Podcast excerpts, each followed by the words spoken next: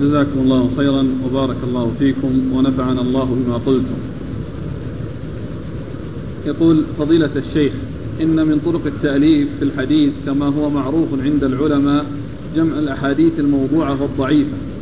فهل لقائل أن يقول إن هذه الطريقة فيها تسهيل وتيسير للناس حتى يرجعوا للأحاديث الموضوعة والضعيفة وأن الأصل أن لا يدل الناس على أماكنها حتى لا يغتروا بها.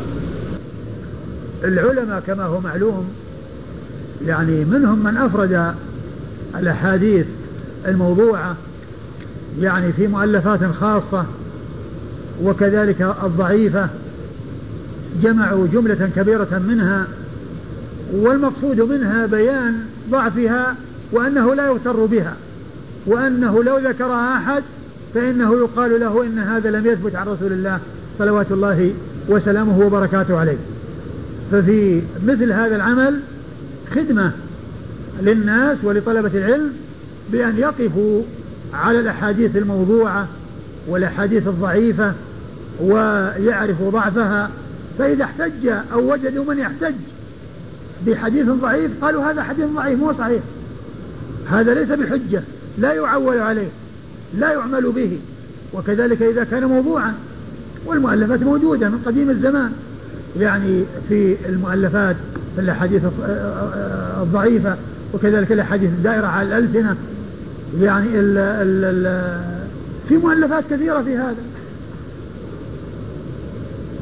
يقول هل يجوز جماع المستحاضة؟ نعم يجوز جماعها في حال يعني آه اعتبارها طاهرة وهو غير مدة الحيض التي كانت تجلسها إما بمعرفة تمييزها ب يعني باللون والرائحة أو بالأيام التي كانت تعرفها من قبل أو بالأيام التي كانت اعتبرتها كما جاء في حديث حمنة يعني من الشهر. ما عدا ذلك فلزوجها أن يجامعها بعد أن تغتسل عند إدبار حيضها. ما حكم لبس الساعة المطلية بالذهب وما حكم التجارة فيها؟ الشيء ال ال ال الذي فيه الذهب لا يجوز للرجل أن يستعمله. وأما النساء تستعمله. النساء تستعمل ال ال ال الذهب يعني في الساعات وفي الخواتم وفي أي شيء من أحوال تستعمل الذهب.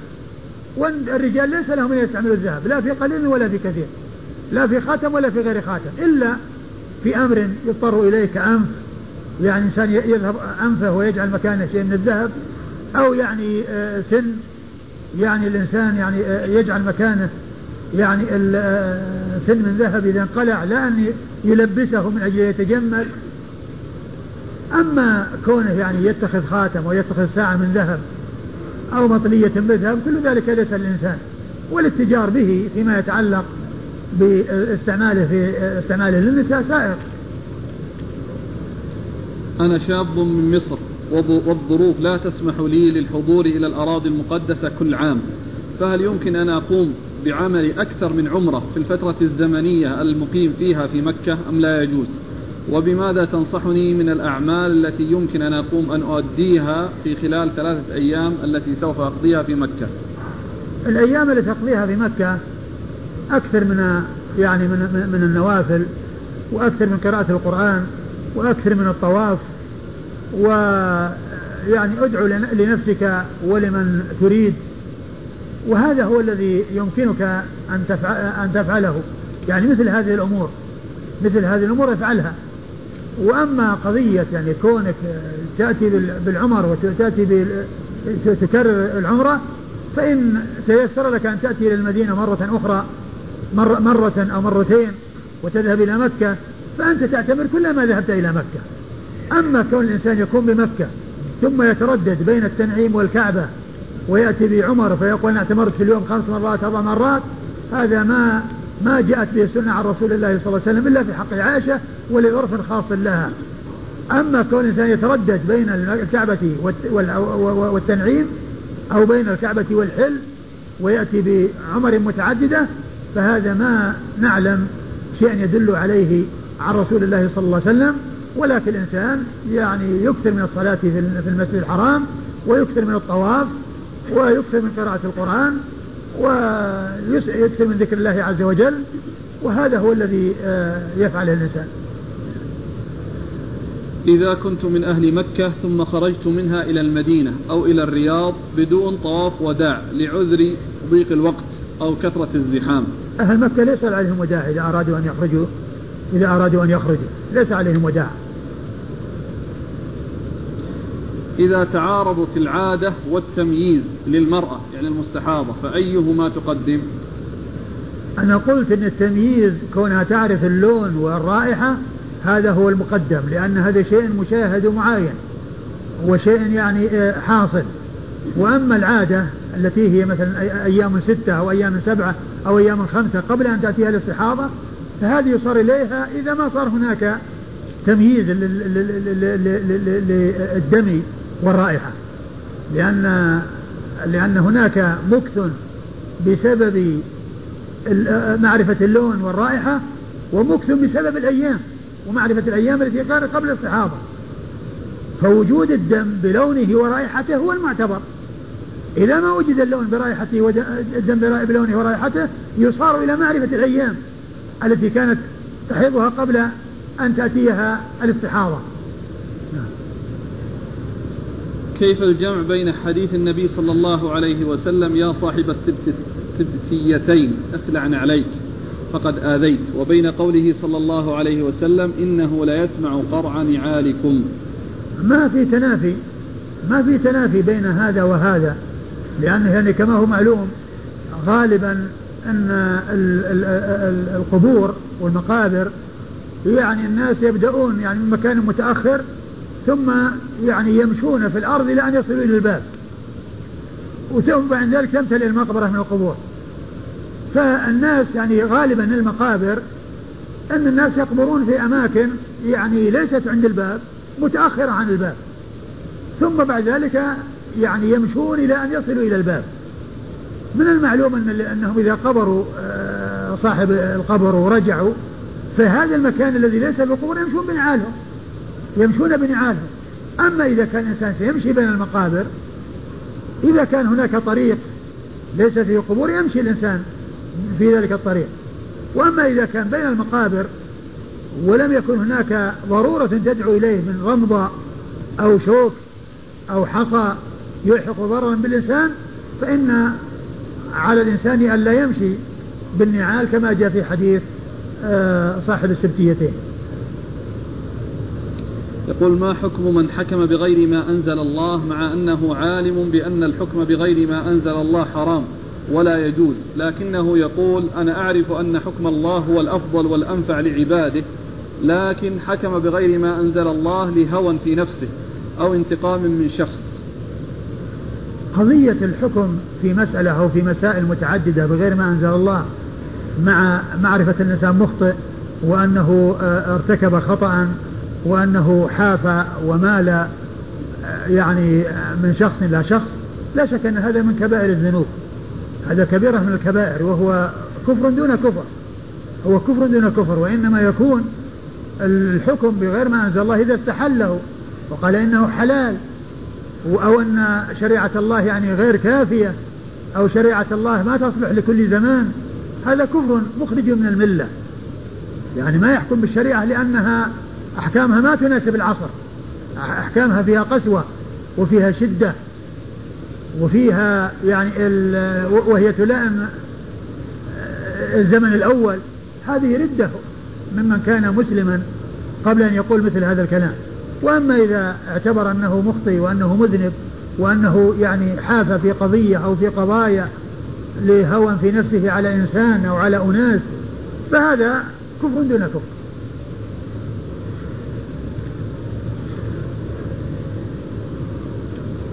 إذا كنت في بلد ما ساكنا ثم أتيت إلى هنا للدراسة فهل عند ذهابي إلى بلدي الأول يحق لي أن أقصر الصلاة؟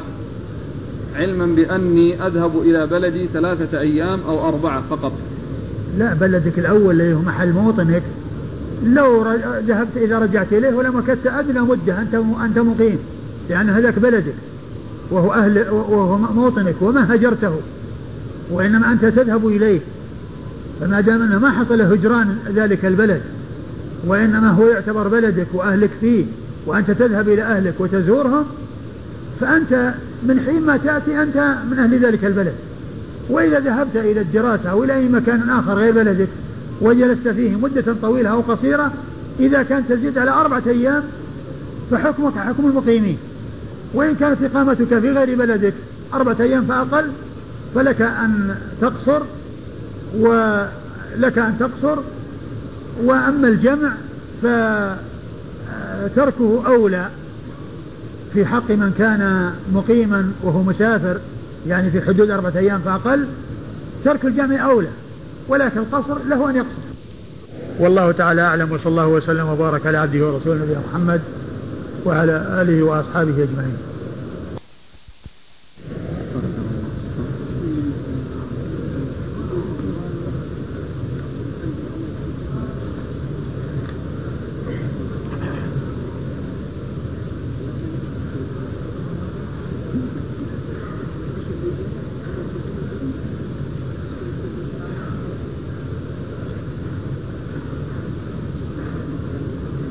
بسم الله الرحمن الرحيم الحمد لله رب العالمين والصلاة والسلام على نبينا محمد وعلى آله وصحبه أجمعين أما بعد قال الإمام أبو داود السجستاني رحمه الله تعالى باب من روى أن المستحاضة تغتسل لكل صلاة قال حدثنا ابن أبي عقيل ومحمد بن سلمة المرادي قال حدثنا ابن وهب عن عمرو بن الحارث عن ابن شهاب عن عروة بن الزبير وعمرة بنت عبد الرحمن عن عائشة زوج النبي صلى الله عليه وآله وسلم أن أم حبيبة بنت جحش رضي الله عنهما ختنة رسول الله صلى الله عليه وآله وسلم وتحت عبد الرحمن بن عوف رضي الله عنه استحيضت سبع سنين فاستفتت رسول الله صلى الله عليه وآله وسلم في ذلك فقال رسول الله صلى الله عليه وآله وسلم إن هذه ليست بالحيضة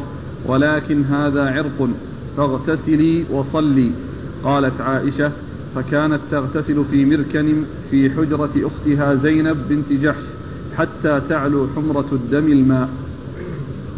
بسم الله الرحمن الرحيم. الحمد لله رب العالمين وصلى الله وسلم وبارك على عبده ورسوله نبينا محمد وعلى آله وأصحابه أجمعين. أما بعد يقول الإمام أبو داود السجستاني رحمه الله تعالى باب من من قال إن المستحاضة تغتسل لكل صلاة من روى. من روى.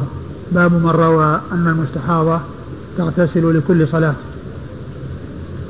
هذه الترجمة معقودة لبيان أن المستحاضة آه، تغتسل لكل صلاة و وهذا كما عرفنا فيما مضى إنما هو على سبيل الاستحباب.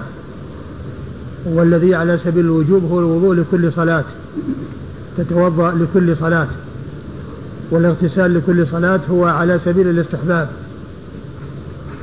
وقد أورد أبو داود رحمه الله حديث عائشة في قصة أم حبيبة بنت جحش. أخت أخت زينب بنت جحش أم المؤمنين رضي الله عنها وهي زوجة عبد الرحمن بن عوف. رضي الله تعالى عنه وعنها أنها كانت استحيضت سبع سنين فاستفتت رسول الله صلى الله عليه وسلم في ذلك فأمرها رسول الله صلى الله عليه وسلم أن تغتسل وتصلي فكانت تغتسل لكل صلاة فكانت تغتسل لكل صلاة. هذه الرواية عن عائشة رضي الله عنها أوردها المصنف تحت قول تحت الاغتسال لكل صلاة. وفيه أنها كانت تغتسل لكل صلاة. وليس فيه أنه, أنه أمرها أن تغتسل لكل صلاة. لكن جاء في بعض الروايات الأمر بالاغتسال لكل صلاة.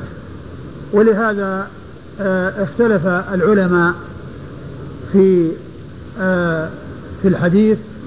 فمنهم من قال إن أم حبيبة أمرت بالاغتسال أي الاغتسال الواحد الذي هو للخروج من الج... من من من الحيض. بعدما يدبر ويقبل الوقت الذي هو يعتبر بمثابة الطهر الذي هو الاستحاضة بعد بعد الانتهاء من الحيض فكانت هي تغتسل لكل صلاة. يعني من من آه، من فعلها ومن آه، اجتهادها ومن حرصها ومن ما رأته هي. وفي بعض الروايات أن الرسول صلى الله عليه وسلم هو الذي أمرها أن تغتسل. فك... أن تغتسل لكل صلاة فكانت تغتسل لكل صلاة. فكانت تغتسل لكل صلاة. والاغتسال عند الانتهاء أو عند إدبار الحيض هذا لا بد منه لأنه غسل الحيض. متعين لأنه غسل الحيض وإنما الذي هو مستحب هو الاغتسال عند كل صلاة. ولا شك أن هذا فيه مشقة وإذا فعلته المرأة فهو مستحب وأما كونه واجبا عليها فإنه لا يجب عليها أن تغتسل لكل آه عند كل صلاة. فعائشة رضي الله عنها أخبرت بأنها كانت تغتسل لكل صلاة. وذهب جماعة من أهل العلم وكثير من أهل العلم على أن هذا الاغتسال لكل صلاة إنما هو من فعلها ومن آه وليس من أمر الرسول صلى الله عليه وسلم لها. لكن الرسول صلى الله عليه وسلم جاء عنه الأمر لها ولغيرها في آه الاغتسال لكل صلاة ولكنه محمول على الاستحباب. أيوه. والإسناد قال حدث والحديث سبق أن مر. نعم. قال؟ آه، حدثنا ابن أبي عقيل. حدثنا ابن أبي عقيل وهو خالد, آه، خالد بن أبي عقيل. وهو ثقة. أخرج له أبو داود. مر معنا ابن أبي عقيل. عبد الغني عبد الغني مو خالد. أي. نعم عبد الغني. عبد الغني بن أبي عقيل عبد الغني بن ابن أبي عقيل ثقة أخرج له أبو داود وحده. ومحمد بن سلمة المرادي. ومحمد بن سلمة المرادي المصري وهو وذاك أيضا مصري الذي قبله وهو ثقة أخرج له مسلم وأبو داود والنسائي وابن ماجه. عن ابن وهب. عن ابن وهب عبد الله بن وهب المصري ثقة فقيه أخرج له أصحاب كتب الستة. عن عمرو بن الحارث. عن عمرو بن الحارث المصري أيضا وهو ثقة أخرج له أصحاب كتب الستة. عن ابن شهاب عن ابن شهاب محمد بن مسلم بن عبيد الله بن شهاب المصري ثقة فقيه أخرج له أصحاب كتب الستة. عن عروة بن الزبير عن عروة بن الزبير بن العوام ثقة فقيه أحد فقهاء المدينة السبعة في عصر التابعين وحديثه أخرجه أصحاب كتب الستة. وعمرة وعمرة بنت عبد الرحمن الأنصارية ثقة أخرج لها أصحاب كتب الستة. عن عائشة. عن عائشة أم المؤمنين رضي الله عنها وأرضاها الصديقة بنت الصديق. آه، من أوعية السنة وحفظتها وهي واحدة من سبعة أشخاص عرفوا بكثرة الحديث عن النبي صلى الله عليه وسلم. نعم.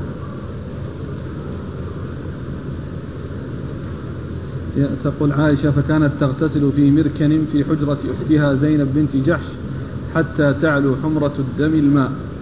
يعني هذا سبق أن مر حديثها وهو بهذا اللفظ وأنها كانت تغتسل في حجرة أختها زينب في مركن وهو ال ال ال ال الإناء الذي آه، يعني إناء كبير أو وعاء كبير. فكان حتى تعلو حتى تعلو. حتى تعلو حمرة الدم الماء. حتى تعلو حمرة الدم الماء. نعم. قال حدثنا أحمد بن صالح قال حدثنا عنبسة قال حدثنا يونس عن ابن شهاب قال أخبرتني عمرة بنت عبد الرحمن عن أم حبيبة رضي الله عنها بهذا الحديث. قالت عائشة رضي الله عنها فكانت تغتسل لكل صلاة. ثم أورد أبو داود الحديث من طريق عمرة وهو عن أم حبيبة. وفي آخره أنها قالت عائشة كانت تغتسل عند كل صلاة. كانت قالت عائشة فكانت تغتسل عند كل صلاة. فيمكن أن يكون قوله عن حبيبة يعني آه، رواية ويمكن أن يكون يعني عن قصة حبيبة أو في أمر آه، أم حبيبة وأن الحديث عن عائشة كما سبقت الرواية بذلك وكما سبقت الروايات يعني آه، بذلك. فقالت عائشة كانت تغتسل لكل عند كل صلاة يعني وهذا إنما هو من فعلها. نعم. قال حدثنا أحمد بن صالح. أحمد بن صالح هو المصري ثقة أخرج حديثه أخرج أخرج حديثه البخاري وأبو داود والترمذي في الشمائل. عن عنبسة. عن عنبسة بن خالد وهو ثقة أخرج له. صدوق. وهو صدوق أخرج له. البخاري وأبو داود. أخرج له البخاري وأبو داود. صدوق أخرج حديثه أبو داود آه، البخاري وأبو داود. عن يونس. عن يونس بن يزيد الأيلي ثم المصري وهو ثقة أخرج له أصحاب كتب الستة. عن ابن شهاب عن عمرة عن أم حبيبة. عن عن ابن شهاب عن عمرة عن أم حبيبة. وأم حبيبة هي زينب بنت جحش وهي صحابية. أخرج حديثها. أخرج حديثها أم حبيبة من؟ أم حبيبة بنت جحش. زينب؟ أم حبيبة بنت جحش أخت زينب. سبق اللسان قلتم هي زينب. لا لا. أم حبيبة بنت جحش أخت زينب. نعم. نعم. أخرج البخاري من الأدب المفرد وأبو داود والترمذي وابن ماجه. أخرج حديث أخرج حديث البخاري في المفرد وأبو داود والترمذي وابن ماجه. قال حدثنا يزيد بن خالد بن عبد الله بن موهب الهمداني. قال حدثني الليث بن سعد عن ابن شهاب عن عروة عن عائشة رضي الله عنها بهذا الحديث. قال فيه فكانت تغتسل لكل صلاة. ثم ورد أبو داود رحمه الله حديث عن عائشة من طريق أخرى وهو مثل الذي قبله. والإسناد؟ قال حدثنا يزيد بن خالد بن عبد الله. يزيد بن خالد بن عبد الله بن موهب ابن يزيد بن خالد ابن يزيد بن عبد الله بن موهب الهمداني وهو ثقة. نعم. أخرج له. أبو داود والنسائي بن ماجه. أخرجه أبو داود والنسائي بن ماجه. عن الليث بن سعد. عن الليث بن سعد المصري وهو ثقة فقيه أخرج له أصحاب كتب الستة. عن ابن شهاب عن عروة عن عائشة. نعم وقد مر ذكرهم.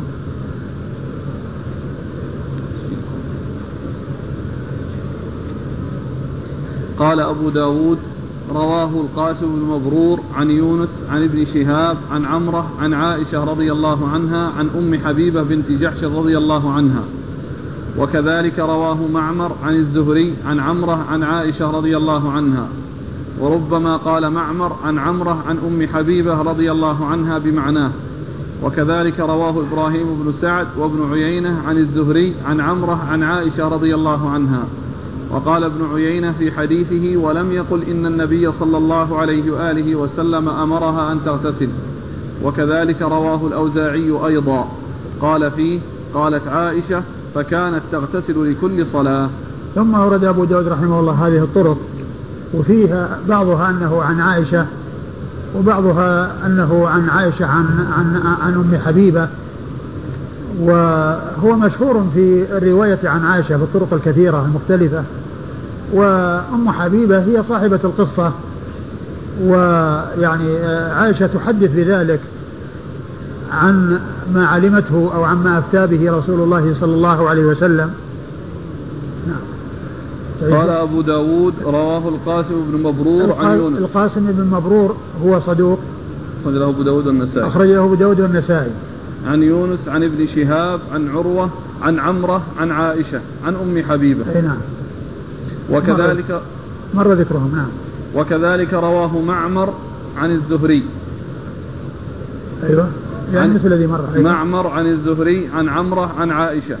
وربما قال معمر عن عمرة عن أم حبيبة بمعناه. يعني مثل الأول يعني مثل الإسناد الأول إسناد القاسم بن مبروك هذا قال يعني عن عائشة عن عمرة وهذا يقول عن عائشة وربما قال عن أم حبيبة اللي هو معمر. وكلهم عن الزهري. وكذلك رواه إبراهيم بن سعد وابن عيينة. إبراهيم بن سعد هو ثقة. إبراهيم بن سعد بن إبراهيم بن عبد الرحمن بن عوف. ثقة أخرج له أصحاب كتب الستة. وابن عيينة هو سفيان بن عيينة. ثقة أخرج له أصحاب كتب الستة. عن الزهري عن عمرة عن عائشة.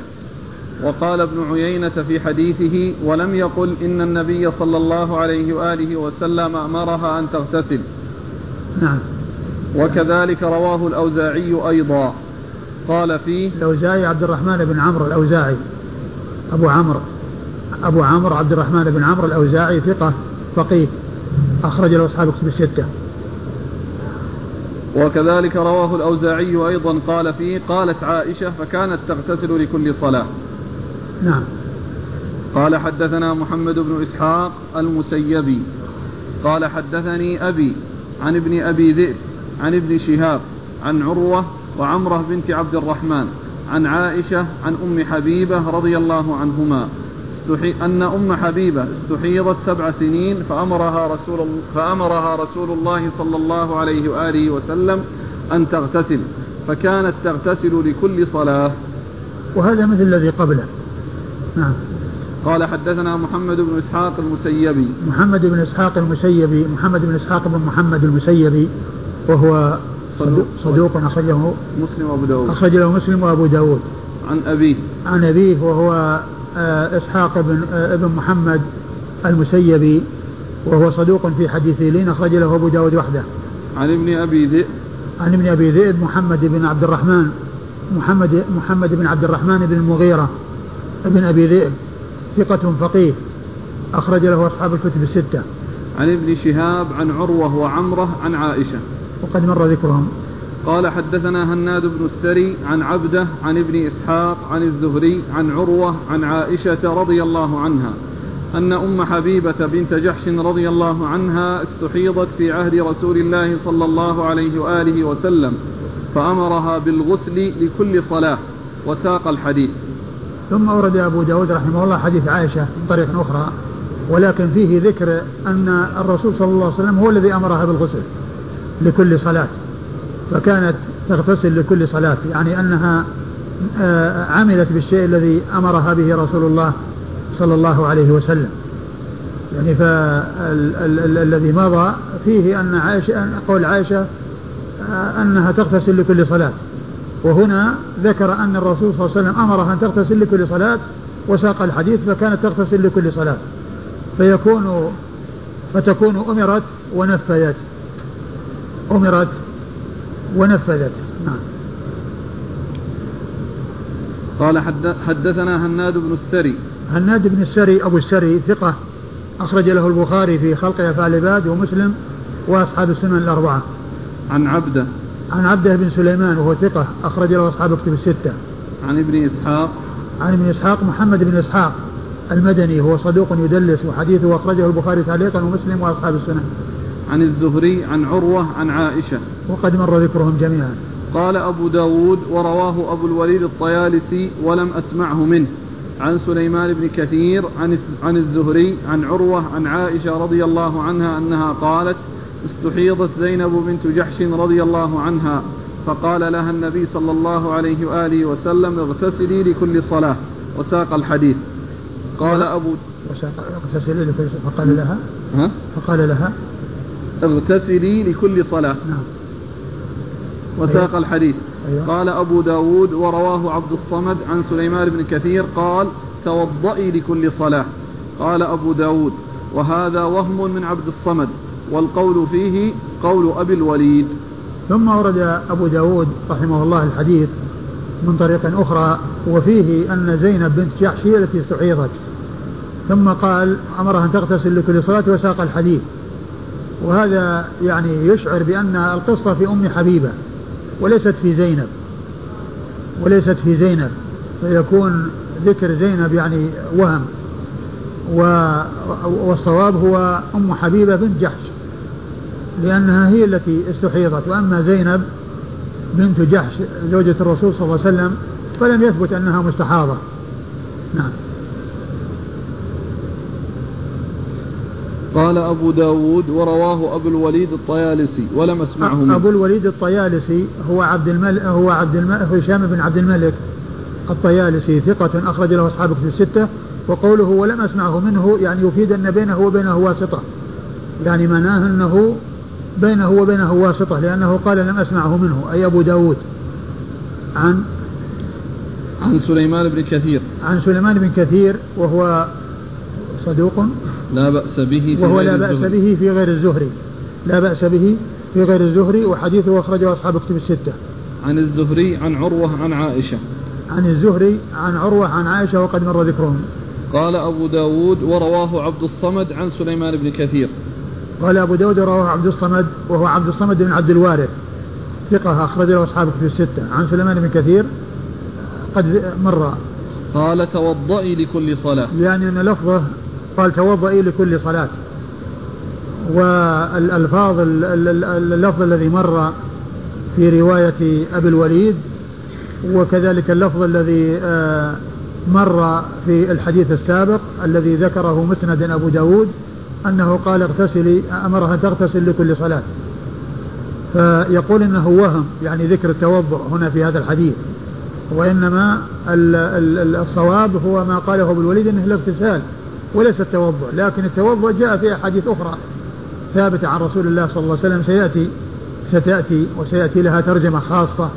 نعم.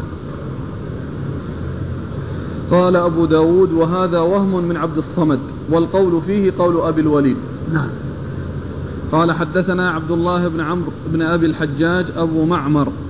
قال حدثنا عبد الوارث عن الحسين عن يحيى بن أبي كثير عن أبي سلمة أنه قال أخبرتني زينب بنت أبي سلمة رضي الله عنهما أن امرأة كانت تهرق الدم وكانت تحت عبد الرحمن بن عوف رضي الله عنه أن رسول الله صلى الله عليه وآله وسلم أمرها أن تغتسل عند كل صلاة وتصلي. وأخبرني أن أم بكر أخبرته أن عائشة قالت إن رسول الله صلى الله عليه وآله وسلم قال في المرأة ترى ما يريبها بعد الطهر إنما هي أو قال إنما هو عرق أو قال عروق. ثم ورد أبو داود رحمه الله ثم آه، قال أبو داود إيش؟ ذكر أسناد. حدثنا؟ سلمة. إي نعم. قال أخبرتني زينب بنت أبي سلمة. نعم. عن زينب بنت أبي سلمة أن امرأة استحيضت في عهد رسول الله صلى الله عليه وسلم وكانت تحت عبد الرحمن بن عوف والتي تحت عبد الرحمن بن عوف هي أم حبيبة الذي مر ذكرها. فأمرها رسول الله صلى الله عليه وسلم أن تغتسل لكل صلاة.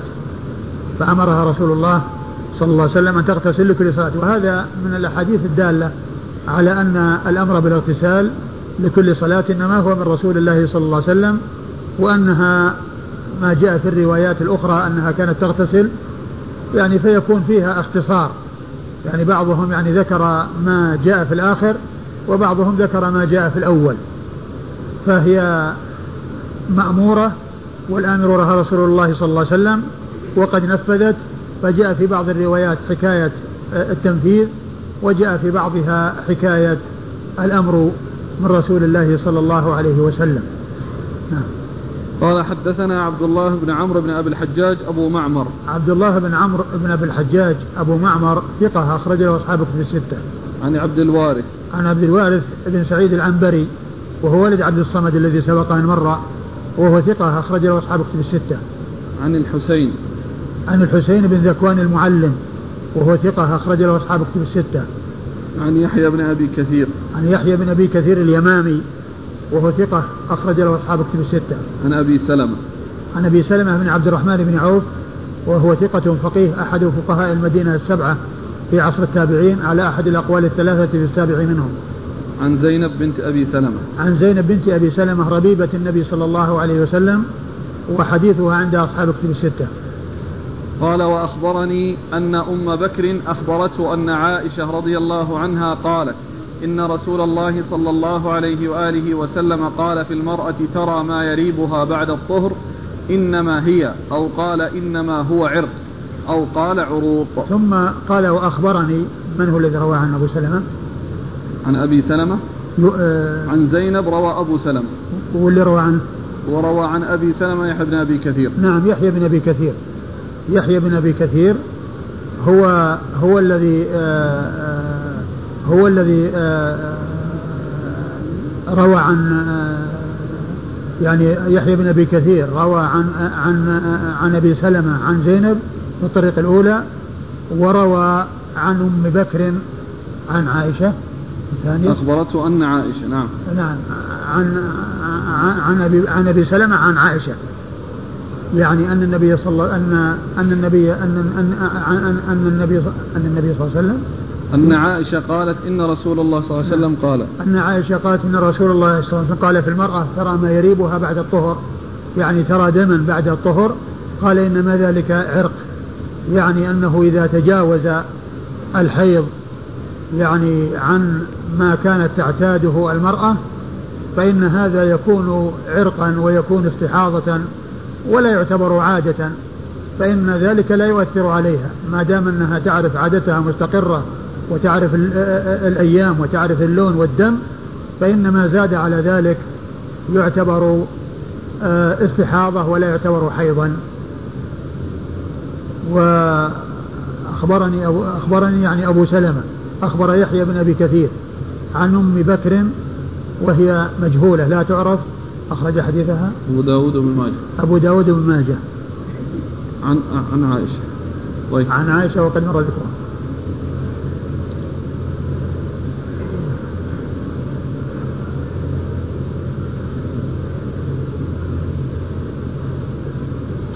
قال أبو داود وفي حديث ابن عقيل الأمران جميعا.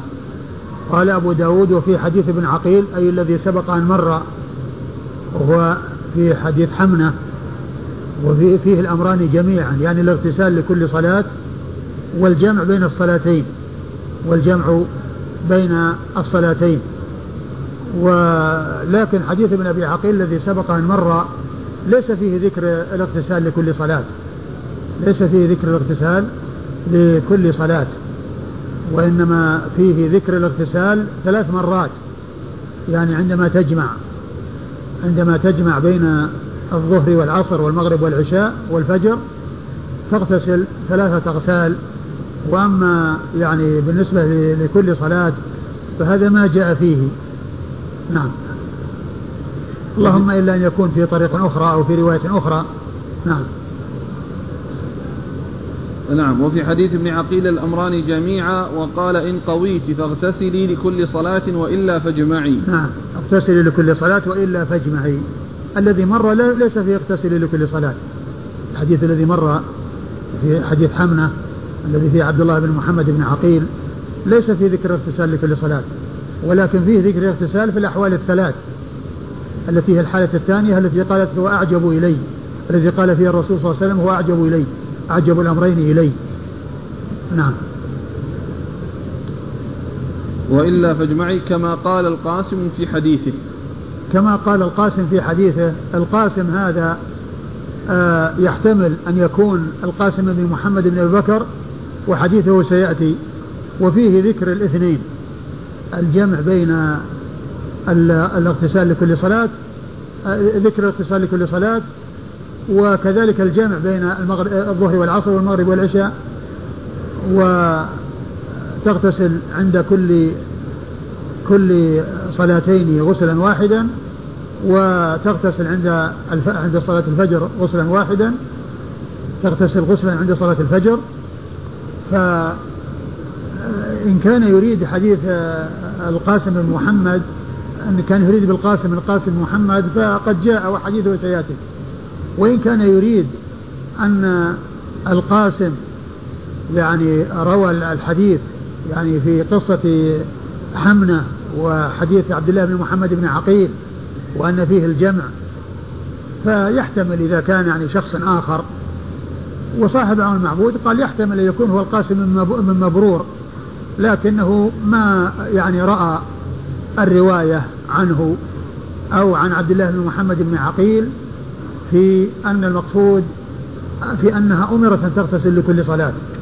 لكن إن كان يريد القاسم بن محمد ابن أبي بكر الصديق فقد جاء الحديث عنه في في الجمع بين كونها تغتسل لكل صلاة وإلا فإنها تجمع والحديث سيأتي قريبا وهو في قصة امرأة أخرى وهي سهلة بنت آه، آه، سهلة بنت سهيل أو سيأتي الحديث نعم. سهلة بنت إيش؟ بن سهيل سهلة بنت سهيل نعم لكن في تلاميذ ابن عقيل شخص آخر اسمه القاسم من هو؟ قاسم بن عبد الواحد بن أيمن المكي أيوه وهو قال عنه ابن حجر مقبول آه. لكنه ليس من رواة ليس عند أبي داود. أخرج له البخاري في الأدب المفرد والترمذي والنسائي بن ماجه. يعني في تهذيب الكمال؟ إيه. ما في أحد قال له القاسم إلا هذا؟ إلا في غير. لا يعني من روى عن عبد الله بن عقيل.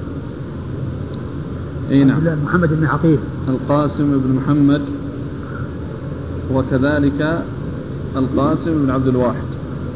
القاسم بن محمد؟ ها؟ أظن هكذا. لا القاسم بن محمد متقدم. على بن أبي عقيل. أيوه. يمكن ما أدري. إذا كان أنه يعني يعني بينهم تقارب في الطبقة لأن الإسناد الأول ابن أبي عقيل وش قال عنه هناك؟ من مرة من الذي فوقه؟ من هم الذين فوقه؟ محمد بن طلحة. أيوة. عن عمه عمران بن طلحة عن أمه حملة بنت جحش. أيوة. يعني بينها واسطتين. أيوة. نعم.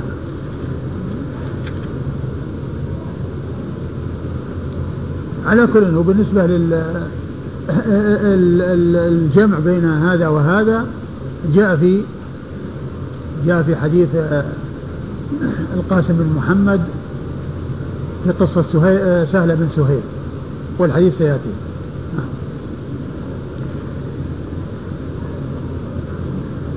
لكن قوله في حديثه الضمير يعود على إيش؟ القاسم. كما قال القاسم في حديثه. هو في حديثه. ما يعود على ابن عقيل. والله يعني يحتمل أنا قلت يحتمل هذا وهذا لكن كما قال في حديثه لكن يعني معناه كلام أبي داود يعني يفهم أن عنده يعني مثل ما عند مثل ما عند مثل ما ذكره الله يعني في في حديث سهل بن سهيل يعني عند ابن عقيل. لأنه قال وفي حديث ابن عقيل كذا وكذا. كما قال القاسم في حديثه. يحتمل يكون يرجع لعبد الله بن عقيل وأن يكون هذا شيء يعني يعني ما هو موجود أو أنه يعني في القاسم بن محمد في حديثه الذي سيأتي. وقد روي هذا القول عن سعيد بن جبير عن علي وابن عباس رضي الله عنهما. يعني هذا القول الذي هو يعني قضية الاغتسال لكل صلاة وكذلك الجمع بين الصلاتين. نعم. قال رحمه الله تعالى باب من قال تجمع بين الصلاتين وتغتسل لهما غسلا. قال حدثنا عبيد الله بن معاذ قال حدثنا أبي عن شعبة عن عبد الرحمن بن القاسم عن أبيه عن عائشة رضي الله عنها قالت استحيضت امرأة على عهد رسول الله صلى الله عليه وآله وسلم فأمرت أن تعجل العصر وتؤخر الظهر وتغتسل لهما غسلا وأن تؤخر المغرب وتعجل العشاء وتغتسل له وتغتسل لهما غسلا وتغتسل لكل وتغتسل لصلاة الصبح غسلا. فقلت لعبد الرحمن أعن النبي صلى الله عليه وآله وسلم فقال لا أحدثك إلا عن النبي صلى الله عليه وآله وسلم بشيء. ثم أورد أبو داود رحمه الله حديث عائشة رضي الله عنها أن امرأة باب من قال. نعم باب من قال. تجمع بين الصلاتين وتغتسل لهما غسلا. باب من قال تجمع بين الصلاتين وتغتسل لهما غسلا يعني للصلاتين. وسبق أن مر أحاديث يعني في قصة الجمع بين الصلاتين والاغتسال لهما غسلا. ولكن المصنف رحمه الله كعادته يأتي بالتراجم المتنوعة ويأتي بالأحاديث للاستدلال على الترجمة. وإن كان سبق أن مر الاستدلال بالحديث على أمور أخرى متقدمة. وقد مر بنا في مواضع عديدة ذكر الاغتسال للظهر والعصر والمغرب وللمغرب والعشاء وللفجر آه، أي ثلاث مرات يعني في اليوم والليلة. عندما تجمع بين الصلاتين فإنها تغتسل ثلاثة أغسال. أورد أبو داود حديث عائشة رضي الله عنها إيش قال؟ قالت استحيضت امرأة على عهد رسول الله صلى الله عليه وآله وسلم. استحيضت امرأة على عهد رسول الله صلى الله عليه وسلم فأمرت أن تؤخر الظهر وتعجل العصر وتغتسل لهما غسلا وأن تؤخر المغرب وتعجل العشاء وأن تغتسل لهما غسلا وتغتسل لصلاة الصبح غسلا. وهذا فيه ما ترجم له من ذكر الجمع بين الصلاتين. ثم قال في آخره قال شعبة قلت لعبد الرحمن عن النبي صلى الله عليه وسلم؟ فقال لا أحدثك آه لا أحدثك إلا بشيء لا أحدثك إلا عن النبي صلى الله عليه وسلم بشيء. لا أحدثك إلا عن النبي صلى الله عليه وسلم بشيء. في بعض النسخ لا أحدثك عن النبي صلى الله عليه وسلم بشيء ولكن في بعضها إلا بشيء. لا أحدثك عن النبي صلى الله عليه وسلم لا أحدثك لا أحدثك إلا عن النبي صلى الله عليه وسلم بشيء. لا أحدثك إلا عن النبي صلى الله عليه وسلم بشيء فتكون بشيء متعلقة بأحدثك. يعني لا أحدثك عن النبي صلى الله عليه وسلم إلا بشيء لا, لا أحدثك بشيء إلا عن النبي صلى الله عليه وسلم. نعم. ولعل الاستفهام لأنه لما قال فيه أمرت أمرت ولم يعني ينص على الآمر. وهو رسول الله صلى الله عليه وسلم. ومن المعلوم أن الصحابي إذا قال أمرنا أو أنهينا فالآمر هو رسول الله صلى الله عليه وسلم. ولكن هذا من من زيادة التوثق يعني في, في الرواية والتحقق من آه، رفع الحديث إلى رسول الله صلى الله عليه وسلم. وإلا فإن الآمر والناهي عندما يسند الأمر يعني إلى الصحابة إنما هو من رسول الله صلى الله عليه وسلم. نعم. قال حدثنا عبيد الله بن معاذ. عبيد الله بن معاذ ابن معاذ العنبري وهو ثقة أخرج حديثه البخاري ومسلم وأبو داود والنسائي. عن أبيه عن أبيه هو معاذ بن معاذ العنبري ثقة أخرجه أصحابه في الستة. عن شعبة. عن شعبة بن الحجاج الواسطي ثم البصري ثقة أخرج له أصحاب كتب الستة. عن عبد الرحمن بن القاسم. عن عبد الرحمن بن القاسم بن محمد بن أبي بكر الصديق وهو ثقة أخرجه أصحاب كتب الستة. عن أبيه. عن أبيه القاسم بن محمد بن أبي بكر الصديق وهو ثقة فقيه أحد فقهاء المدينة السبعة في عصر التابعين وحديثه أخرجه أصحاب كتب الستة. عن عائشة وقد مر ذكرها. قال حدثنا عبد العزيز بن يحيى قال حدثنا قال حدثني محمد بن سلمة عن محمد بن إسحاق عن عبد الرحمن بن القاسم عن أبيه عن عائشة رضي الله عنها أن سهل بنت سهيل استحيضت فاتت النبي صلى الله عليه وآله وسلم فأمرها أن تغتسل عند كل صلاة فلما جهدها ذلك أمرها أن تجمع بين الظهر والعصر بغسل والمغرب والعشاء بغسل وتغتسل للصبح. قال أبو داود ورواه ابن عيينة عن عبد الرحمن بن القاسم عن أبيه أن امرأة استحيضت فسألت رسول الله صلى الله عليه وآله وسلم فأمرها بمعناه. ثم أورد أبو داود رحمه الله حديث عائشة رضي الله عنها من طريق أخرى وهو أن امرأة استحيضت على عهد رسول الله صلى الله عليه وسلم أن سهلة بنت سهيل آه، استحيضت في عهد رسول الله صلى الله عليه وسلم فأمرها أن تجمع أن تغتسل لكل صلاة فلما جهدها ذلك يعني شق عليها آآ آآ أمرها أن تغتسل أن تجمع تجمع نعم، أن تجمع بين الظهر والعصر. تجمع بين الظهر والعصر وتغتسل لهما غسلا وتجمع بين المغرب والعشاء وتغتسل لهما غسلا وتصلي وتغتسل للصبح غسلا. وهذا هو الحديث الذي حديث القاسم أو الذي سبقت الإشارة إليه في قصة آه، الجمع آه، بالاغتسال لكل صلاة وكونها تجمع بين الصلاتين. نعم. قال حدثنا عبد العزيز بن يحيى. عبد العزيز بن يحيى الحراني وهو صدوق ربما وهم أخرج حديثه أبو داود والنسائي. أبو داود والنسائي. عن محمد بن سلمة. عن محمد بن سلمة المرادي عن محمد بن سلمة الباهلي الحراني وهو ثقة أخرج له البخاري في جزء القراءة ومسلم وأصحاب السنن وهذا هو الذي ذكرت أنه يأتي يعني اسمه مطابق لمحمد بن سلمة آه، المصري. هذا حراني وذاك مصري. والمصري الذي مر آنفا هو من شيوخ أبي داود. وأما الباهلي الحراني وهو من طبقة شيوخ شيوخه. يعني لا يروي عنه إلا بواسطة. فإذا جاء محمد بن سلمة آه، وهو من شيوخ أبي داود فالمراد به المصري. وإذا جاء محمد بن سلمة من شيوخ شيوخه فالمراد به الحراني. هذا الذي معنا في الإسناد. وهو ثقة أخرج حديث البخاري في جزء القراءة ومسلم وأصحاب السنن. عن محمد بن إسحاق عن عبد الرحمن بن القاسم عن أبيه عن عائشة. وقد مر ذكرهم جميعا. قال أبو داود ورواه ابن عيينة عن عبد الرحمن بن القاسم عن أبيه أن امرأة استحيضت. آه فأمرها. نعم. نعم. وهو مثل الذي قبله نعم. عن أبيه اللي هو القاسم محمد أن امرأة استحيضت. لكن يعني هنا امرأة استحيضت فأمرها الرسول صلى الله عليه وسلم يعني يصير مرسل مرسل هنا. نعم.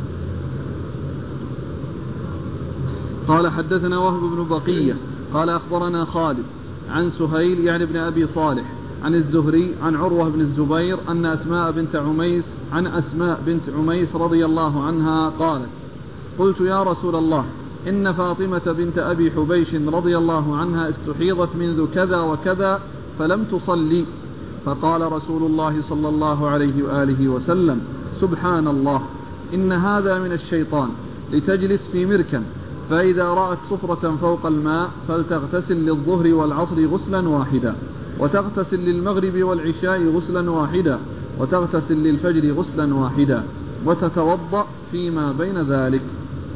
ثم أورد أبو داود حديث أسماء بنت عميس رضي الله تعالى عنها في قصة فاطمة بنت أبي حبيش وأنها سألت أم أسماء بنت عميس رسول الله صلى الله عليه وسلم عن ما حصل لفاطمة بنت أبي حبيش. فالرسول صلى الله عليه وسلم قال لتجلس في مركن فإذا رأت الصفرة فإذا رأت الصفرة. نعم. فإذا رأت الصفرة فوق الماء فلتغتسل للظهر والعصر غسلا واحدا. فإذا رأت الصفرة فوق الماء يعني معناها أنها إذا طهرت وانتهى الحيض فإنها تكون بعد ذلك في حكم الطاهرات لأنه قد انتهى يعني زمن الحيض وذلك ب يعني آه، إما بانتهائه بلونه إذا كانت تعرف اللون والرائحة أو بانتهاء الأيام التي كانت تعرفها. وقيل أن المقصود بقوله أنها آه، تكون تغتسل يعني حتى إذا رأت الصفرة إن هذا قيل إن هذا علامة على أنه الحيض قد انتهى لأن دم الحيض يعني لا يكون فيه الصفرة وإنما يكون فيه السواد وفيه الغلظة فيكون ذلك علامة يعني لها في أن حيضها قد انتهى لأنها وجدت الصفرة عندما اغتسلت.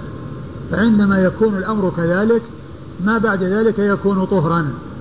ولكنها تجمع بين الظهر والعصر والمغرب والعشاء وتصلي الفجر في وقتها وتغتسل ثلاثة أغسال. ففيه ذكر ما ترجم له وهو الجمع بين الصلاتين للمستحاضة بين الظهر والعصر وبين المغرب والعشاء. أيوه. تقول فاط... تقول أسماء إن فاطمة بنت أبي حبيش استحيضت منذ كذا وكذا فلم تصلي. أيوة. فقال رسول الله صلى الله عليه وسلم سبحان الله إن هذا من الشيطان. يعني الإشكال يعني معناه كأنه مضى يعني وقت يعني وهي على هذه الحالة وهي تظن أنها حائضة قد حاضت. فالرسول صلى الله عليه وسلم أمرها بأنها تغتسل. تغتسل في إيش؟ قال تجم إذا رأت صفرة فوق الماء فلتغتسل للظهر والعصر غسلا واحدا. نعم إذا رأت الصفرة فوق الماء يعني معناها أنها ذهب الحيض وبقيت الاستحاضة. نعم. ثم قال وتتوضأ فيما بين ذلك. وتتوضأ فيما بين ذلك يعني بين يعني قيل معناه أنه بين الصلاتين. أو أن قيل بين الصلاتين التي تجمعها. يعني بين الصلاتين التي تجمعها. وقيل أن المقصود فيما بين ذلك يعني بين بين بين بين الحيضتين لأن المرأة في حال حيضها ليس لها وضوء وليس عليها وضوء وإنما الوضوء يكون في حال الطهر يعني تتوضأ لكل صلاة فيما بين ذلك. ومن الشراح من قال إنه بين الصلاتين التي تجمعها. قال حدثنا وهب بن بقية. وهب بن بقية ثقة أخرج له مسلم وأبو داود والنسائي. مسلم وأبو داود والنسائي. عن خالد. عن خالد وهو بن عبد الله الواسطي ثقة أخرج له أصحاب كتب الستة. عن سهيل يعني ابن أبي صالح. سهيل يعني ابن أبي صالح وهو صدوق أخرج له أصحاب كتب الستة. والبخاري روى له مقرونا وتعليقا. عن الزهري عن عروة بن الزبير عن أسماء بنت عميس. أسماء بنت عميس الخثعمية وهي صحابية خرج حديث أصحاب الكتب. البخاري وأصحاب السنن. البخاري وأصحاب السنن؟ أي هو أصحاب الكتب؟ كانوا أصحاب الكتب.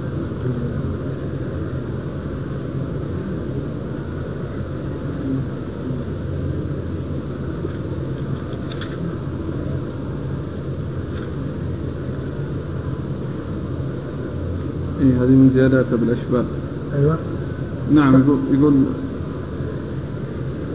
كتب أصحاب الكتب كلها وعلق عليه إيش قال؟ قال راجع تحفة الأشراف من الجزء إيه. الحادي عشر إيه. طيب و... وأسماء بنت عميس هذه صحابية خرج لها أصحاب الكتب و...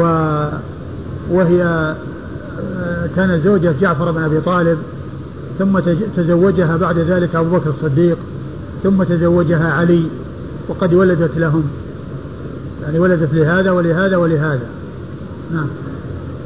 قال أبو داود رواه مجاهد عن ابن عباس لما اشتد عليها الغسل أن تجمع بين الصلاتين. ثم قال روا- رواه مجاهد وهو بن جبر. ثقة أخرجه أصحابه في الستة. عن ابن عباس وعبد الله بن عباس بن عبد المطلب ابن عم النبي صلى الله عليه وسلم وأحد العبادلة الأربعة من الصحابة. وأحد السبعة المعروفين بكثرة الحديث عن النبي صلى الله عليه وسلم. قال أبو داود رواه وقال إيش؟ لما اشتد عليها الغسل أن تجمع بين الصلاتين. يعني أمرها أن تجمع بين الصلاتين لما اشتد عليها الغسل يعني خمس مرات يعني آه، الخمس مرات. نعم. قال أبو داود رواه إبراهيم عن ابن عباس. رواه إبراهيم وهو النخعي وهو ثقة أخرجه أصحاب في الستة. وهو قول إبراهيم النخعي وعبد الله بن شداد. رواه عن ابن عباس ثم قال وهو قول إبراهيم النخعي وهو قول عبد الله بن شداد وعبد الله بن شداد آه، من ثقات التابعين أخرجه أصحاب في الستة. إبراهيم النخعي يروي عن ابن عباس؟ هو يعني مدة ابن عباس. وش تاريخ وفاته؟ هو متقدم هو 96 ها؟ وفاته؟ إيه. شوف تاريخ وفاته. وإبراهيم عند الإطلاق يراد إبراهيم النخعي في الغالب يعني. اللي وجدته من تلاميذ ابن عباس إبراهيم بن عبد الله بن معبد بن عباس الهاشمي وإبراهيم النخعي ما هو من تلاميذه؟ ما ما وجدت متى توفي إبراهيم النخعي؟ مات دون المئة. سنة ست وتسعين. إيه، 96 وما قال كم عمره؟ وهو ابن خمسين. وهو ابن 50 أو نحوها. ابن 50 أو نحوها. يعني معناه ابن عباس وابن عباس توفي آه، فوق الستين أو فوق السبعين.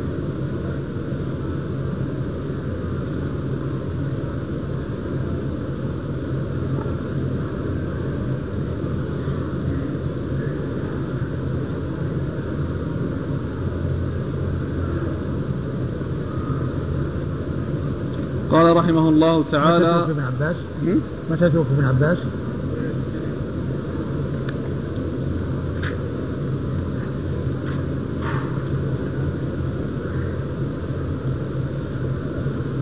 مات سنة ثمان وستين بالطائف. مات سنة 68 يعني وذاك توفي سنة 96 وعمره 50 مم. إبراهيم. نعم نحو خمسين. خمسين نحوها يعني معناه قبل ال- في حدود ال- يعني عنده 18 سنة.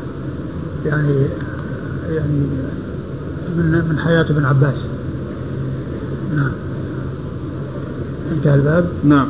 والله تعالى أعلم وصلى الله وسلم وبارك على عبده ورسوله نبينا محمد وعلى آله وأصحابه أجمعين.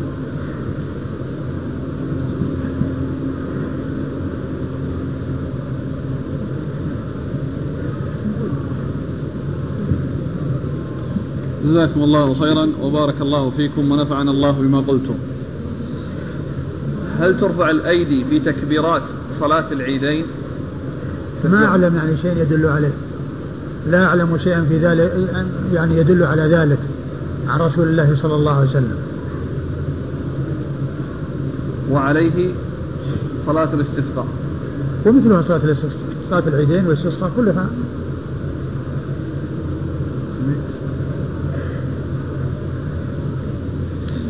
يقول السائل في أي أحوال في أي الأحوال يجوز العزل؟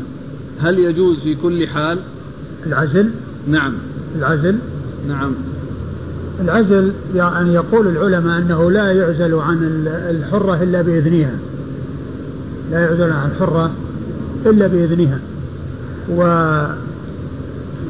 وكانوا يعزلون يعني خشية من, من, من الإماء خشية أن يحملن فيصرن أمهات أولاد. وأم الولد الأمة إذا حملت وصارت أم ولد فإنه فإنها لا تباع. فكانوا يعني يريدون أن يستمتعوا بهن ولا يريدون أن تحمل حتى لا يتمكنوا من الاستفادة من من بيعهن. فكانوا يعزلون حتى لا يحملن. فكانوا يعزلون حتى لا يحملن. والرسول صلى الله عليه وسلم يعني جاء ما يدل على آه، حصول العزل كما جاء عن أبي سعيد كنا نعزل والقرآن ينزل لو كان شيء ينهى عنه نهانا عن القرآن. و والرسول صلى الله عليه وسلم أخبر يعني في قصة العزل قال ليس من كل المني يكون الولد. يعني الله عز وجل إذا قدر أن الولد يكون يعني جاء ولو وجد العزل بأن تنطلق قطرة يعني يعني من غير اختيار الإنسان وكما يقولون فوات الحرص يعني يفوت على الحريص يعني آه الشيء الذي ما كان يريده فيحصل الشيء الذي قدره الله. لأن الرسول صلى الله عليه وسلم قال كما في صحيح مسلم ليس من كل المني يكون الولد. ليس من كل المني يعني معناه مو من الولد يأتي من من مجموع المني وإنما يأتي من قطرة واحدة.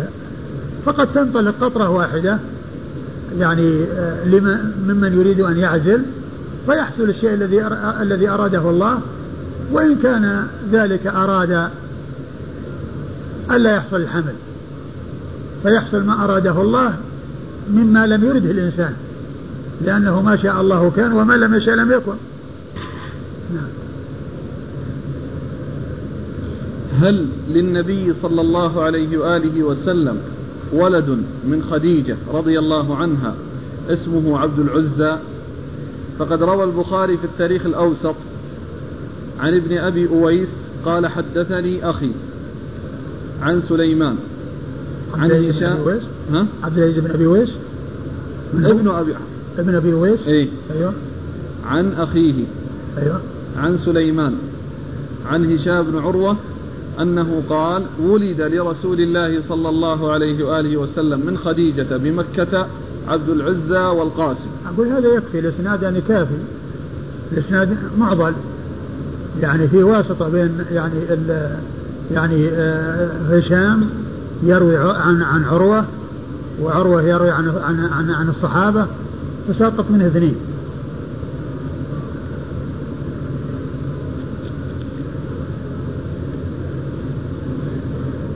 هل للمستحاضة أن تجمع بين الصلاتين بدون حاجة؟ والله يعني ال ال ال الذي يبدو يعني هو جاء يعني في في بعض الروايات إنه يعني للمشقة ولكذا. فالمستحاضة يعني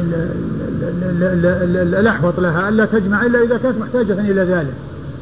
بسبب المشقة عليها وبسبب يعني يعني آه، آه، ما تعانيه من ضرر. ولهذا آه، العلماء رأوا أن المريض نفسه يجمع استنادا إلى حديث المستحاضة لأنها تعتبر مريضة. والمريض كما هو معلوم لا يجمع إلا إذا حصل له مشقة. لا يجمع إلا إذا حصل له مشقة المريض. هل يجوز للرجل أن يقبل يد أم زوجته أو جبينها أو يعانقها عند السفر؟ يمكن أن يقبل رأسها بدل ما يقبل يعني شيء من جسدها يقبل رأسها. لا يقبل جبينها ولا يقبل يدها ولكن يقبل يقبل رأسها. فوق الخمار يقول أحيانا يخرج من فرج المرأة المني سواء كان من مني زوجها بعد فراغها من غسل الجنابة. فماذا تفعل؟ طبعا كما هو معلوم لا تعيد الغسل ولكن الذي ينبغي أنها تصبر يعني مدة يعني للاغتسال وإذا خرج شيء بعد ذلك لا يعتبر أن عليها غسل لأن الجنابة وهي حصول الشيء الذي أحاط بالجسم والذي حصل الجسم والذي جاء الاغتسال بعده قد حصل فكونه خرج يعني منها شيء بعد ذلك لا يحتاج إلى إعادة الغسل. لكنه لكنه يحتاج إلى إعادة الوضوء. يقول الأخ يحتاج إلى إعادة الوضوء لأن كل ما يخرج من من من السبيلين ناقض للوضوء. ويعني فيما يتعلق بالنسبة لل لل الاغتسال طبعا لحصول يعني ما حصل من اللذة والشيء الذي حصل للجسم بسبب ذلك الدفق تغتسل. لكنه إذا اغتسلت ويعني اغتسلت يعني غسلا ووضوءا ثم خرج منها شيء فعليها أن تتوضأ. يقول فضيلة الشيخ أشهد الله أنني أحبكم في الله. المسافر إذا نوى البقاء أكثر من أربعة أيام هل له أن يقصر خلال تلك الأيام الأربعة إذا فاتته الجماعة؟ أه نسأل الله عز وجل أن يجعلنا من المتحابين في الله وأن يوفقنا جميعا لما يرضيه. وقصة وأما مسألة المسافر إذا مكث يعني أكثر من أربعة, أربعة أيام فإن حكم حكم المقيمين. حكم حكم المقيمين. أما أربعة أيام فأقل فإن حكم حكم المسافر وذلك لأن النبي صلى الله عليه وسلم لما دخل مكة عام حجة الوداع في اليوم الرابع ومكث فيها أربعة أيام ينتظر الحج. ولما جاء الحج ذهب منها إلى منى وكان في تلك المدة يقصر. ومن المعلوم أنه مقيم إقامة محققة هنا لأنه ينتظر الحج. ولم يأتي شيء آخر أو أكثر من هذا يدل على أن النبي صلى الله عليه وسلم أقام يعني إقامة محققة يعني معلومة أنه سيبقاها من حين وصوله إلى ذلك التاريخ إلا في هذه المسألة. أما غيرها من المسائل الأخرى التي فيها في حجة الوداع وفي آه، تبوك وما إلى ذلك فإن هذا ليس فيه شيء يدل على أن مقيم إقامة محققة لأن هذه الإقامة وراها الحج وكان ينتظر الحج. ومن المعلوم أن الإنسان المسافر إذا كان كان في بلد وهو لا لا يدري متى تنتهي حاجته ولا يدري متى يغادر البلد له أن يقصر. ما دام أنه ما عنده عزم إقامة أربعة أيام.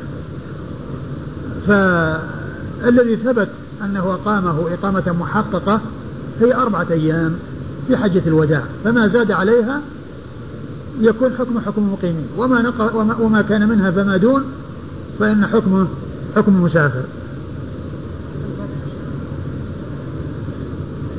في حجة الوداع الكلام هذا. نعم؟ فتح مكة وغزوة تبوك كان أقام بها أكثر أيام. لكن ما في شيء يدل على أن الرسول يعني دخل مكة وهو يريد أن يبقى هذه المدة. وإنما كما هو مسافر يمكن أنه يعني آه كل يوم يريد أن يسافر وهكذا وهذا ما في إشكال يعني آه يقصر والرسول كان يقصر بمكة وفي تبوك وهو مقيم في تبوك هل الأولى للمسافر الفطر أم أم صوم النافلة؟ الأولى للإنسان يعني إذا كان عليه مشقة أنه يفطر. الأولى للإنسان إذا كان عليه مشقة أنه يفطر. سواء كان في نافلة أو فريضة. هل للشخص إذا أهدي له طعام أن يرده أو يقبل ما إذا كان الطعام أو الذي أهداه له يعني ما عنده ما في محذور ولا فيه يعني إشكال فالأولى للإنسان أنه يقبله وإذا كان أنه يعني ما ليس بحاجة إليه هو نفسه آه، يعطيه لغيره. فيكون آه هذا أهدى وهو يهدي.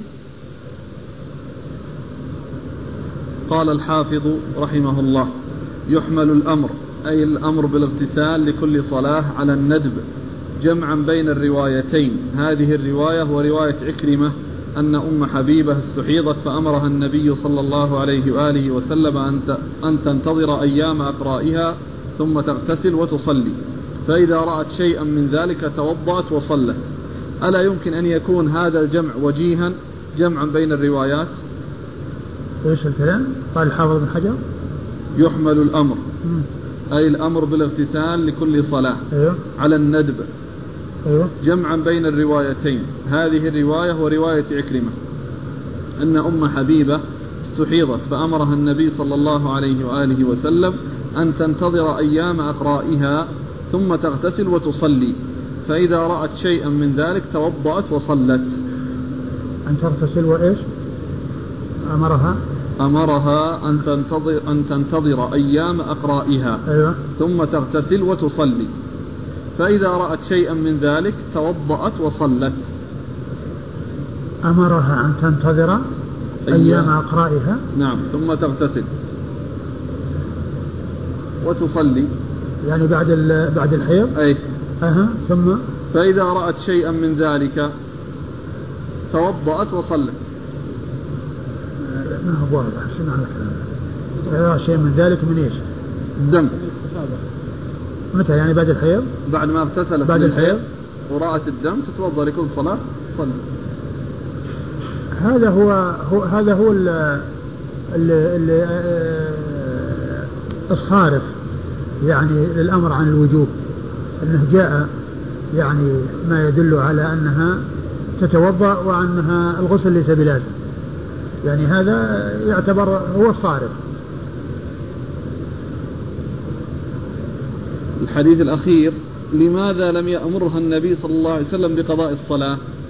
سؤال أسماء بنت عميس.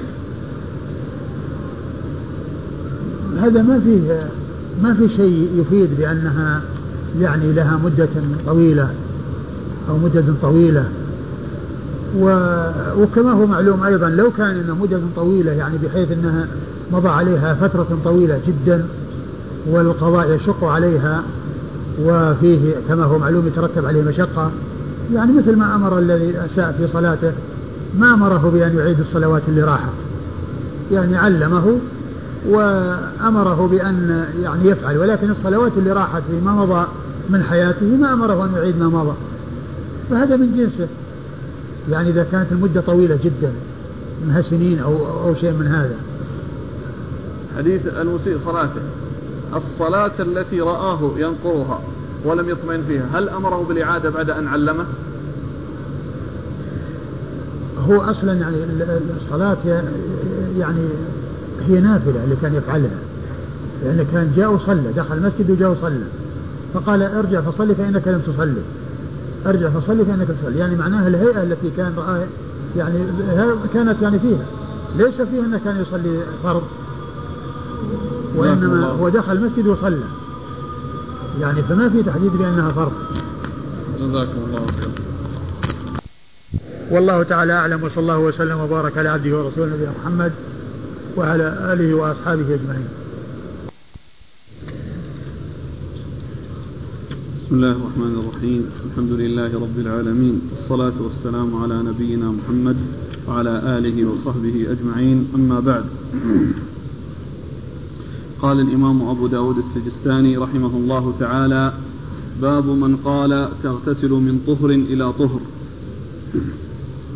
قال حدثنا محمد بن جعفر بن زياد قال وحدثنا عثمان بن أبي شيبة. قال حدثنا شريك عن أبي اليقظان عن علي بن ثابت عن أبيه عن جده عن النبي صلى الله عليه وآله وسلم في المستحاضة تدع الصلاة أيام أقرائها ثم تغتسل وتصلي والوضوء عند كل صلاة.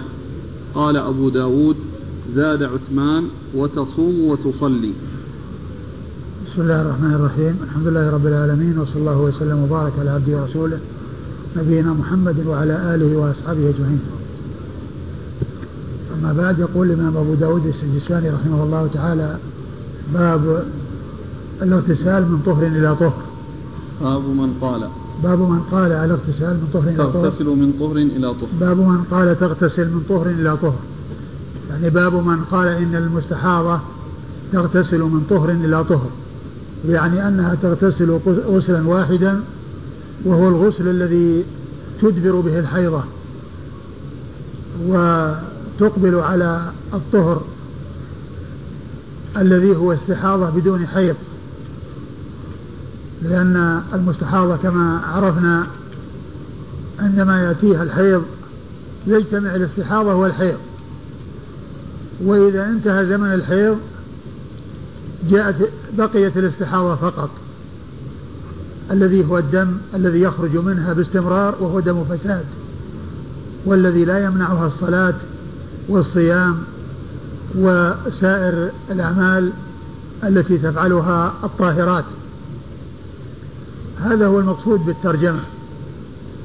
من قال تغتسل المستحاضة من طهر إلى طهر يعني أنه لا يجب عليها إلا غسل واحد وهو الاغتسال الذي يكون عند طهرها أي عند إدبار حيضها فإنها تغتسل لذهاب الحيض عنها أو لانتهاء الحيض منها. هذا هو الواجب. والأغسال الأخرى إنما هي مندوبة ومستحبة التي تكون عند كل صلاة والتي تكون وراء ذلك. وأما الغسل المتعين الواجب اللازم الذي لا بد منه هو غسل الحيض وهو الذي يكون عند انقضاء عند إدبار حيضها وانقطاع الدم الأسود الغليظ الذي له رائحة خاصة ثم بقى ذلك الدم الذي هو دم الاستحاضة والذي هو دم عرق والذي هو دم فساد. هذا هو المقصود بالترجمة. وقد أورد أبو داود رحمه الله حديث عدي بن ثابت عن أبيه عن جده أن النبي صلى الله عليه وسلم قال في المستحاضة قال أن النبي صلى الله عليه وسلم قال تدع الصلاة أيام أقرائها. تدع الصلاة أيام أقرائها. يعني أيام حيضها إذا كانت إذا كانت آه، مميزة وذلك بإقبال الدم الأسود الغليظ الذي له رائحة خاصة تدع الصلاة أيام أقرائها أيام حيضها. فإذا انتهى ذلك الدم الأسود الغليظ الذي له رائحة خاصة تغتسل غسل الحيض الغسل من الحيض. وإذا كانت غير مميزة ولكنها تعرف عادتها قبل أن يأتيها تأتيها الاستحاضة وكانت تعرف أنها تأتيها خمسة أيام مثلا من أول الشهر فإنها تجلس خمسة أيام من أول الشهر. يعني نفس الأيام التي كانت تجلسها. فإذا انتهت الأيام اغتسلت غسل الحيض. هذا هو الغسل اللازم. الذي لا بد منه. وما عدا ذلك من الأغسال عند كل صلاة أو غير ذلك فإنه ليس بواجب. آه فقال تدع الصلاة أيام أقرائها فإذا ثم تغتسل وتصلي. ثم تغتسل وتصلي. ثم تغتسل هذا هو محل الشاهد للترجمة. في قوله الغسل من طهر إلى طهر. يعني إذا طهرت اغتسلت وجوبا. ولا يجب عليها أن تغتسل إذا كان أمورها على ما هي عليه إلا بعد مجيء الطهر الآخر. لكن لو جاء معها زوجها فإنه يجب عليها أن تغتسل. ولو احتلمت يجب عليها أن تغتسل. يعني لأن هذا شيء وجد سببه غسل يعني وجد سببه. لكن حيث لا يوجد سبب يقتضي الغسل ويوجب الغسل كالجماع أو ال أو الاحتلام فإن الذي عليها هو غسل الحيض وما عدا ذلك فإنه مستحب. تغتسل وتصلي وتوضأ لكل صلاة. والوضوء عند كل صلاة. والوضوء عند كل صلاة. يعني أنها عند كل صلاة تتوضأ لزوما ولكن الغسل ليس لازما ولكنه مندوب إليه ومستحب. نعم. قال أبو داود زاد عثمان وتصوم وتصلي. زاد أبو داود وتصوم وتصلي يعني آه أن أنها تصوم يعني في تلك المدة يعني تصلي وتصوم. يعني آه, آه، زاد فيه الصيام. وفي الأول قال تغتسل وتصلي وهنا قال يعني عنده زيادة الصيام. ومن المعلوم أن كل الأعمال التي هي مطلوبة من الطاهرات مطلوبة منها أو أنها يعني لها أو يسوغ لها أن تفعلها. فالطاهرات يصلين ويصمن ويحججن وكذلك آه، يقرأن القرآن ويجامعهن أزواجهن ويمسسن المصاحف وما إلى ذلك من الأمور التي هي لازمة التي هي سائغة في حق الطاهرات لأنها في حكم, في حكم الطاهرة. لأنها في حكم الطاهرة لأن هذا مرض وهذا دم فساد وأما الذي يكون منه المنع الذي هو دم الطبيعة الذي هو دم الحيض. نعم. قال حدثنا محمد بن جعفر بن زياد. محمد بن جعفر بن زياد ثقة أخرج حديثه مسلم وأبو داود و والنسائي. مسلم وأبو داود والنسائي. وعثمان, وعثمان بن أبي شيبة وهو ثقة أخرج له أصحاب الكتب الستة إلا الترمذي. عن شريك. عن شريك بن عبد الله النخعي الكوفي القاضي وهو صدوق كثير يخطئ كثيرا وحديثه أخرجه البخاري تعليقا ومسلم وأصحاب السنن عن أبي اليقظان.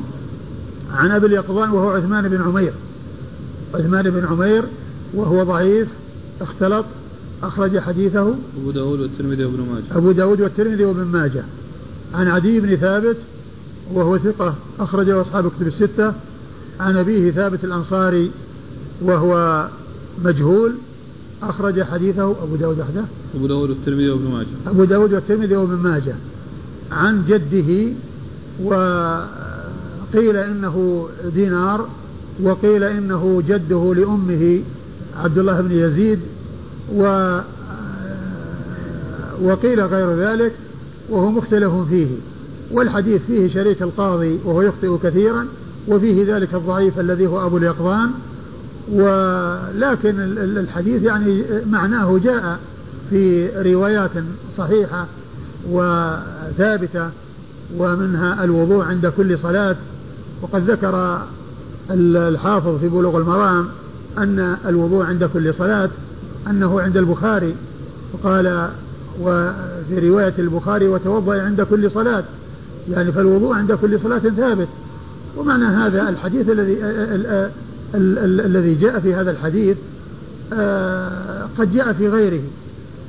والشيخ الألباني صحح الحديث ولعله صححه آه، بالشواهد وبالأمور الأخرى. وإلا فإنه من حيث الإسناد آه، فيه أبو اليقظان وهو مجهول وفيه شريك النخعي الكوفي القاضي وهو صدوق يخطئ كثيرا.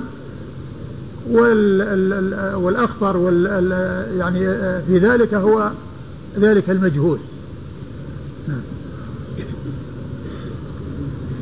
قال حدثنا عثمان بن أبي شيبة قال حدثنا وكيع عن الأعمش عن حبيب بن أبي ثابت عن عروة عن عائشة رضي الله عنها أنها قالت جاءت فاطمة بنت جاءت فاطمة بنت أبي حبيش رضي الله عنها إلى النبي صلى الله عليه وآله وسلم فذكر خبرها وقال ثم اغتسلي ثم توضئي لكل صلاة وصلي.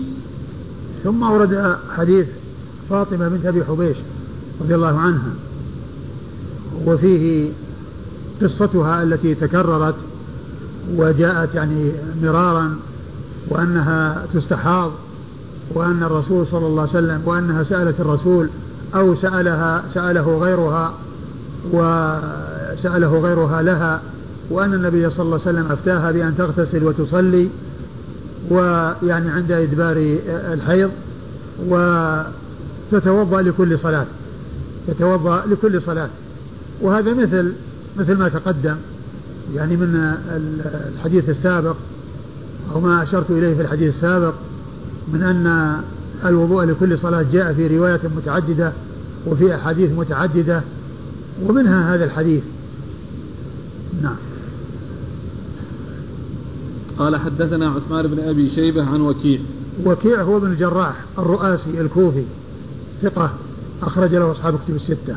عن الأعمش. عن الأعمش وهو سليمان بن مهران الكاهلي وهو ثقة أخرج له أصحاب كتب الستة. عن حبيب بن أبي ثابت وهو ثقة كثير التدليس والإرسال. وحديثه أخرجه أصحاب كتب الستة. عن عروة.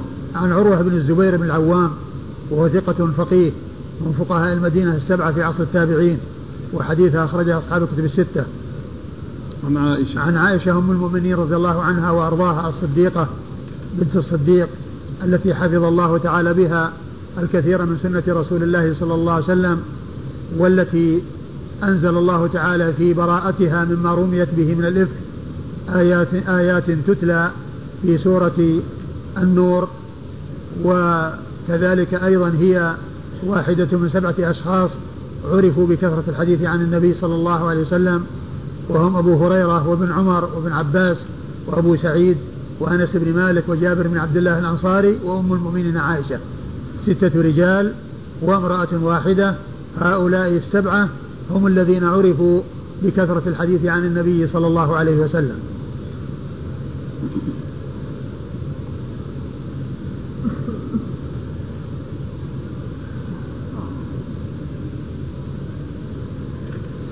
قال حدثنا أحمد بن سنان القطان الواسطي. قال حدثنا يزيد عن أيوب بن أبي مسكين عن الحجاج عن أم كلثوم عن عائشة رضي الله عنها في المستحاضة تغتسل تعني مرة واحدة ثم ثم ثم تتوضأ إلى أيام أقرائها. ثم ورد أبو داود الأثر عن عائشة رضي الله عنها أن المستحاضة تغتسل عند تغتسل تغتسل يعني تعني مرة واحدة. تغتسل تعني مرة واحدة يعني عند انتهاء الحيض أو عند إدبار الحيض. وتتوضأ إلى أقرائها وتتوضأ. نعم. ثم تتوضأ إلى أيام أقرائها. وتتوضأ إلى أيام أقرائها يعني أنها تتوضأ عند كل صلاة إلى أن يأتيها الحيض مرة أخرى. إلى أيام أقرائها إلى أن يعود عليها الحيض. يعني بعد انقطاعه واغتسالها منه فإنها تتوضأ عند كل صلاة إلى أن يأتي الحيض مرة أخرى التي هي أيام أقرائها يعني أيام حيضها. يعني من من الحيض إلى الحيض من انتهاء الحيض إلى ابتداء الحيض. من ابتداء بعد انتهاء الحيض تغتسل والاستحاضة باقية معها إلى إلى أن يأتي الحيض مرة أخرى فإنها تتوضأ إلى ذلك الوقت يعني تتوضأ عند كل صلاة. نعم. قال حدثنا أحمد بن سنان القطان الواسطي. أحمد بن سنان الق... أحمد بن سنان القطان الواسطي وهو ثقة. نعم. أخرج له. أصحاب الكتب إلا الترمذي. وهو ثقة أخرجه أصحاب الكتب الستة إلا الترمذي. عن يزيد. عن يزيد وهو بن هارون الواسطي وهو ثقة أخرج له أصحاب الكتب الستة. عن أيوب بن أبي مسكين. عن أيوب بن أبي مسكين أبو العلاء الواسطي وهو صدوق. له أوهام. صدوق له أوهام أخرج حديثه. أبو داود والترمذي والنسائي. أخرج حديث أبو داود والترمذي والنسائي. عن الحجاج. عن الحجاج بن أرطات وهو صدوق. صدوق كثير الخطأ والتدليس. وهو صدوق كثير الخطأ والتدليس وحديثه أخرجه البخاري في الأدب المفرد. نعم. ومسلم وأصحاب السنن البخاري في الأدب المفرد ومسلم وأصحاب السنن عن أم كلثوم. عن أم كلثوم وهي الليثية المكية ولم يذكر الحافظ عنها شيئا قال قال عنها مقبولة ولا ولا غيرها؟ الظاهر أنها غيرها أنا ما وقفت على لا أظن ما ذكر عنها شيء لأن في تحفة الأشراف آه. ذكر أم كلثوم عدة فبعضهم نسبهن إيه، نعم. وبعضها واحدة تركها مجهول هو نفسه هو نفس الحافظ بن حجر في التقريب قال ذكر أم كلثوم آه، روت الحديث الفلاني والحديث الفلاني والحديث الفلاني وقال منهم من اعتبرها هل, هل هي واحدة أو أكثر؟ م. يعني ولم يذكر شيئا عن حالها. م. نعم. عن عائشة. وخرج حديثها؟ الذي خرج يعني حديثها؟ في, في هذه النسخة جمعها أبو الأشبال جعلها كلها ترجمة واحدة. نعم لكن في نسخة أخرى. أيوه. يعني فصل. أم كلثوم الليثية المكية هذه لها رمز. ثم آه. ذكر أخرى بأم كلثوم. آه. تركها هكذا. لكن هذه الليثية وش رمز لها؟ هذه دالتا سينيا. إيه، دالتا سينيا. أبو داود والترمذي والنسائي في عمل اليوم والليلة. إيه دالتا يعني سينيا. أبو داود والترمذي والنسائي في عمل اليوم والليلة. نعم هذا هو الرمز نعم. عن عائشة. أي نعم. نعم. مر ذكرها.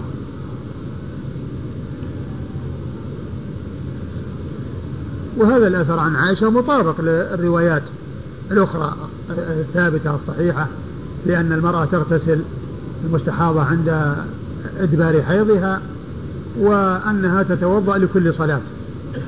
والاغتسال مستحب لها وليس بواجب. يعني في بعض النسخ التقريب الرمز لأم كلثوم الليثية وبعدما انتهى من ترجمتها ورمز لها قال وروى حجاج بن أرطاه عن أم كلثوم عن عائشة في الاستحاضة وروى عمر بن عامر عن أم كلثوم عن عائشة في بول الغلام فما أدري هل الجميع واحدة أم أو لا أيوه.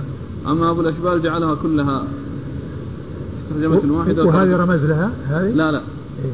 على كل هو هو هو ال ال يعني الرمز ذكر في الأول في نسخة بالأشبال ولما ذكر يعني الروايات التي لها في أماكن مختلفة قال لا أدري هل هي واحدة أو أكثر. لكن صنيع المزي في تحفة الأشراف اللي يظهر أنه أكثر. لأنه عدة تراجم. قال أم كلثوم الليثية عن عائشة وذكر حديثها. ثم قال أم كلثوم عن عائشة وذكر حديث آخر. ثم قال أم كلثوم عن عائشة. كل واحدة يترجم لها ترجمة خاصة. فليفهم من صنيعة أنها متغايرات إيه وابن حجر وابن حجر يقول إنه لا يدري هل هن واحدة أو أو انه أو أنهن متغيرات ولهذا جمعهن في مكان واحد. قال حدثنا أحمد بن سنان القطان الواسطي قال حدثنا يزيد عن أيوب أبي العلاء عن ابن شبرمة عن امرأة مسروق عن عائشة رضي الله عنها عن النبي صلى الله عليه وآله وسلم مثله. ثم ورد الحديث من طريق أخرى عن عائشة وهو مرفوع إلى رسول الله عليه الصلاة والسلام. وقال مثله أي مثل ذلك الذي مر موقوفا على عائشة. مثل ذلك الذي مر قبله مباشرة موقوفا على عائشة رضي الله عنها. نعم.